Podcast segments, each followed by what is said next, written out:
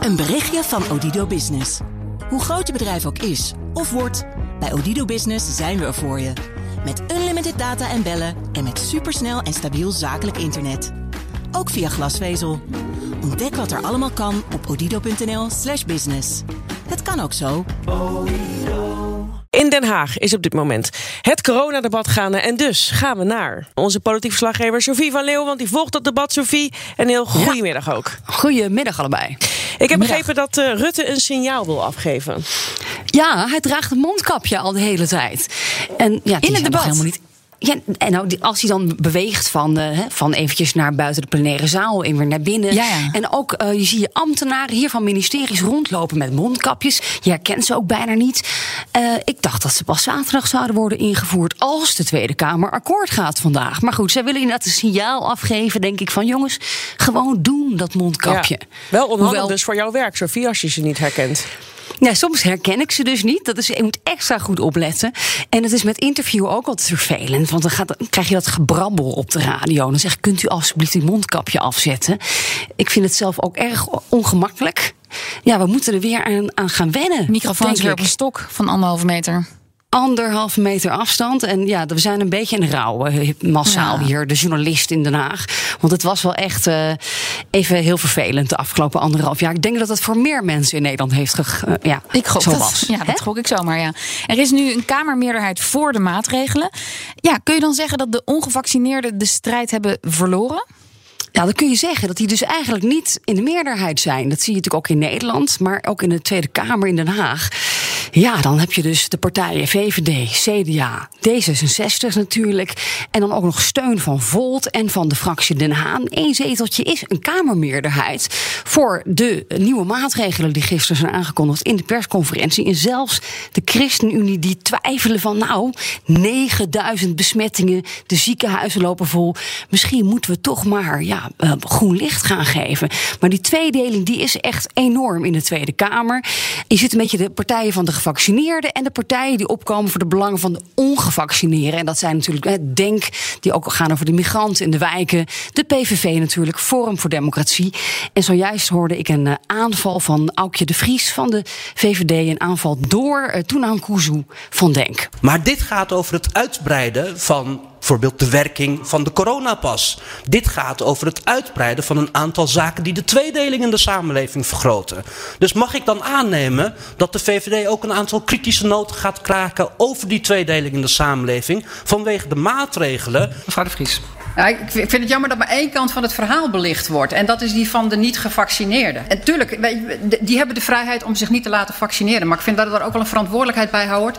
En ik vind ook dat wij, de gevaccineerden, wil ik ook niet dat die allemaal de dupe worden van de maatregelen die we dan moeten nemen om te zorgen dat die ongevaccineerden uh, en onze zorg niet overloopt. Dat debat te zeggen, gevaccineerden tegen ongevaccineerden. Je hoort het veel op straat in de samenleving. Het is hier ook aan de orde van de dag in het coronadebat. Ook een partij als de SP die zegt: joh, kabinet, jullie gaan voor tegenstelling. Dat is niet de oplossing.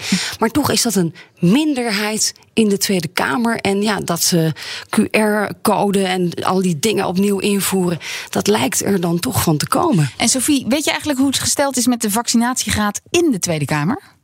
Ik denk dat die best wel hoog is, de vaccinatiegraad in de Tweede Kamer. Ik heb het nog nooit gemeten. En je hoeft hier ook niet een QR-code te laten zien. Wel kun je een mondkapje dragen en afstand houden. En ik kan me zo voorstellen dat er partijen zijn, zoals Forum voor Democratie. Uh, ik weet het ook van ja, Van Haga. Ja. Die niet zijn gevaccineerd. Misschien ook een paar christelijke partijen. Kees van der Staaij van de SGP. Ja, die willen het nog eens volgens mij. Nee, die willen die zeggen. Sophie, het ja. lijkt me hartstikke ja. aardig als jullie eventjes alle 150 Kamerleden gaan vragen ja. naar een vaccinatie. Ja, benieuwd. Ja, nee, dan, benieuwd. Heb je weer. Om het te weten. Je, het is verder niet. Uh, dat gaat over privacy, hè, mensen. Dat, die discussie heb je ook op het werk met je werkgever. En ja, eigenlijk mag je dat van mensen dan niet vragen. Nou, maar, maar ja, journalistieke vraag. Journalistieke vraag. Ik ga het gewoon doen. Met je charme. Morgen meer, hoop ik. Ja, goed. Maar die, die QR-code, uh, begrijp ik, die, die komt er dus. Um, in zwembaden, sportscholen, die, die terrassen, dierentuinen. Zaterdag ja. 6 november. Dierentuinen ook al? Moest daar nog niet een wet voor, voor veranderd worden? Ja, ik, ik moet ik even checken of dat voor die dierentuiner nou ook al zaterdag was. Maar in okay. ieder geval 6 november is wel, ja, dat is die day voor de QR-code uitbreiding. is uh, grotendeels geen wetswijziging voor nodig. Dat kan gewoon heel snel met die uh, meerderheid van de partij die ik net noemde. Uh, Geert Wilders is daar trouwens helemaal niet blij mee. Die ging echt helemaal los nog even, ik zal je even laten horen, van de PVV. Hou op met die vreselijke corona-toegangsbewijzen. Die hadden er nooit mogen komen. Het is pure vaccinatiedrang en daarmee handelt het kabinet in strijd met de aangenomen motie in de Kamer. Het is indirecte dwang. En zorgen alleen maar voor meer tweedeling in onze samenleving. En bieden schijnveiligheid, omdat gevaccineerde mensen met zo'n bewijs toch corona kunnen krijgen en overdragen aan elkaar en aan mensen die zijn getest. Zeg u, voorzitter, weg met die QR-samenleving. Ja, Geert Wilders, die dus uh, zich moet laten testen als hij naar het zwembad wil. Vanaf volgende week, denk ik. Nou, ik ben benieuwd, gaat Wilders eigenlijk ooit naar het zwembad? Ik heb opeens een beeld. Heel snel door. Um, maar is er, er is dus steun voor de coronamaatregelen. Maar betekent dat ook dat er overtuiging is dat die maatregelen gaan helpen om die 4000 ziekenhuisbedden waarover gesproken werd te voorkomen? Nee, daar is niet echt iedereen van overtuigd. En, en terecht, denk ik. Um, er werd gewaarschuwd vandaag inderdaad door ook een dissel van het RVM. Die was hier uh, misschien nou, 2000 of zelfs 4000 uh, ziekenhuisbedden die bezet kunnen zijn in december. Als ze zo doorgaan. En ook met die QR-code, als je gevaccineerd bent, je kunt gewoon corona hebben en het doorgeven. Dus heel veel mensen zeggen hier: het is toch een beetje schijnveiligheid. En je moet gewoon afstand houden, massaal. Maar goed, dat is een advies. Dus ja, wat wat doe je er dan aan? Wat kun je hier nog mee? Um, nou ja, dus de vraag is een beetje van uh, wat is nou proportioneel? Gaan we dan nog, nog een stap verder zetten? Uh, of gaan we gewoon met de kerst in ons eentje onder de kerstboom? En daar sprak ik Mirjam Bikker ook even over van de ChristenUnie. En ook nog daarna hoor je Paternotte van D66. Ik ga nu het gesprek voeren met de minister. Wat kan? Uh, met, met de voorstellen die hij heeft liggen. En ook juist wat ik zeg, alsjeblieft laten we zoveel mogelijk als samenleving daarin ook onze verantwoordelijkheid pakken. Maar als het niet genoeg is, wat dan wel? Wij willen niet terug naar een lockdown. Dus laten we ervoor zorgen dat we die vrijheid zoveel mogelijk behouden. En ook duidelijk maken op welke manier we dat kunnen doen. De QR-code op het werk zijn u er eigenlijk voor? Want er zijn nog meer, veel meer maatregelen die eraan komen natuurlijk. Mevrouw Den Haan. Ja, er zijn veel meer maatregelen die eraan komen. En ik, ik kan me heel goed voorstellen dat werkgevers zo'n QR-code op het werk zouden willen. Je moet je voorstellen dat als mensen uh, elkaar besmetten en een grote groep mensen raakt gewoon ziek, dat je wel je loonkosten door moet uh, betalen. Ik kan me voorstellen dat als je een kleine werkgever bent, dat je dan ongelooflijk in de problemen komt. Maar of die maatregel generiek toegepast moet worden, dat weet ik niet. Je kunt ook nog kijken of je dat lokaal of per branche bijvoorbeeld doet of per grootte van het bedrijf. Daar zou ik wel wat meer informatie over willen. Dat zei Den Haan, die dus ook meehelpt aan die Kamermeerderheid. Maar jongens, als je dit hoort, hè, wij moeten ons dus gaan voorbereiden op een mogelijkheid dat er een QR-code komt op je werk om te kunnen werken. Dat, daar zie je ook de christen nu niet langzaam schuiven. Als het echt heel nodig is in de zorg, dan willen we nog een stap zetten na 12 november. En zelfs bij het ministerie van Volksgezondheid hoor ik, ja, we werken natuurlijk aan die wet over, over een paar weken. Het idee is, we gaan hem niet verplichten, de QR-code op het werk, maar het is een mogelijkheid, uh, een keuze voor de werkgever om dat dan te gaan invoeren, ja of nee? Want kun je afstand houden op je werk of niet? Heb je een groot kantoor? Maar ja, ook wel natuurlijk de vraag: moet het dan in de zorg?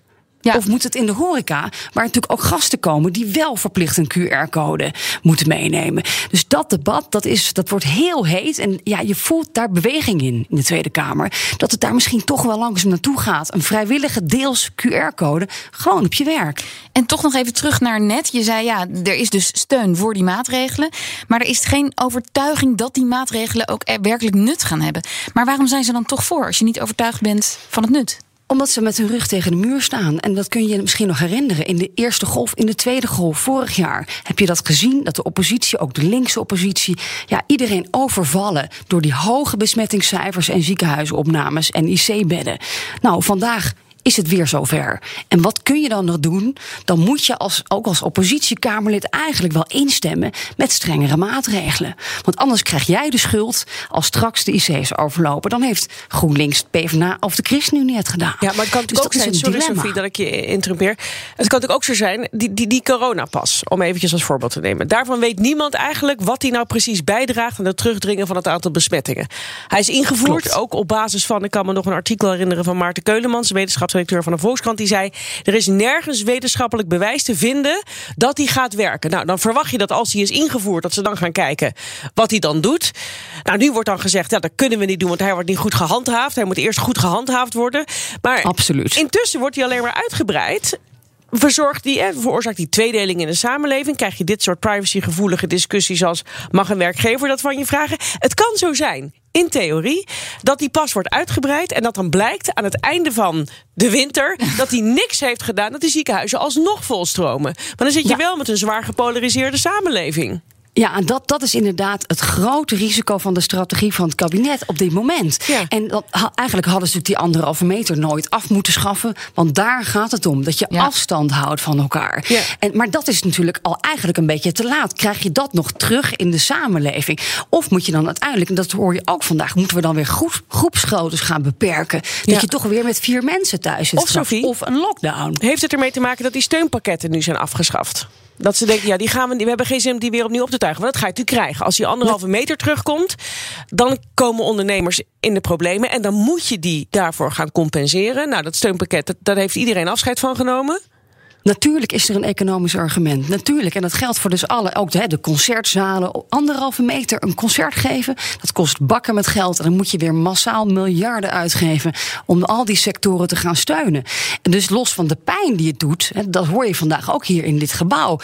Niemand wil dit. Maar het kost klauwen met geld. En, en daar wil, wil niemand dan naar terug, naar zo'n situatie. Wat is dan het alternatief? Ja, dan toch maar eh, met die QR-code. eh, testen, testen, testen is ook wat je hoort. Dan Kunnen we niet zoals in Denemarken... dat je bij wijze van spreken elke dag of honderd keer test... eh, voor alles wat je doet in je leven. Ehm, maar, oh ja... Terug naar die lockdowns, dat willen ze niet. En laten we hopen dat dat ook niet nodig is. Nee. Maar je kunt inderdaad, wat jij zegt, niet voorkomen dat het misgaat met de QR-codes, omdat dat niet goed genoeg werkt. Het blijft een gok. Dankjewel, Sophie van Leeuwen. Een berichtje van Odido Business. Hoe groot je bedrijf ook is of wordt, bij Odido Business zijn we er voor je. Met unlimited data en bellen en met supersnel en stabiel zakelijk internet. Ook via glasvezel. Ontdek wat er allemaal kan op odido.nl/slash business. Het kan ook zo.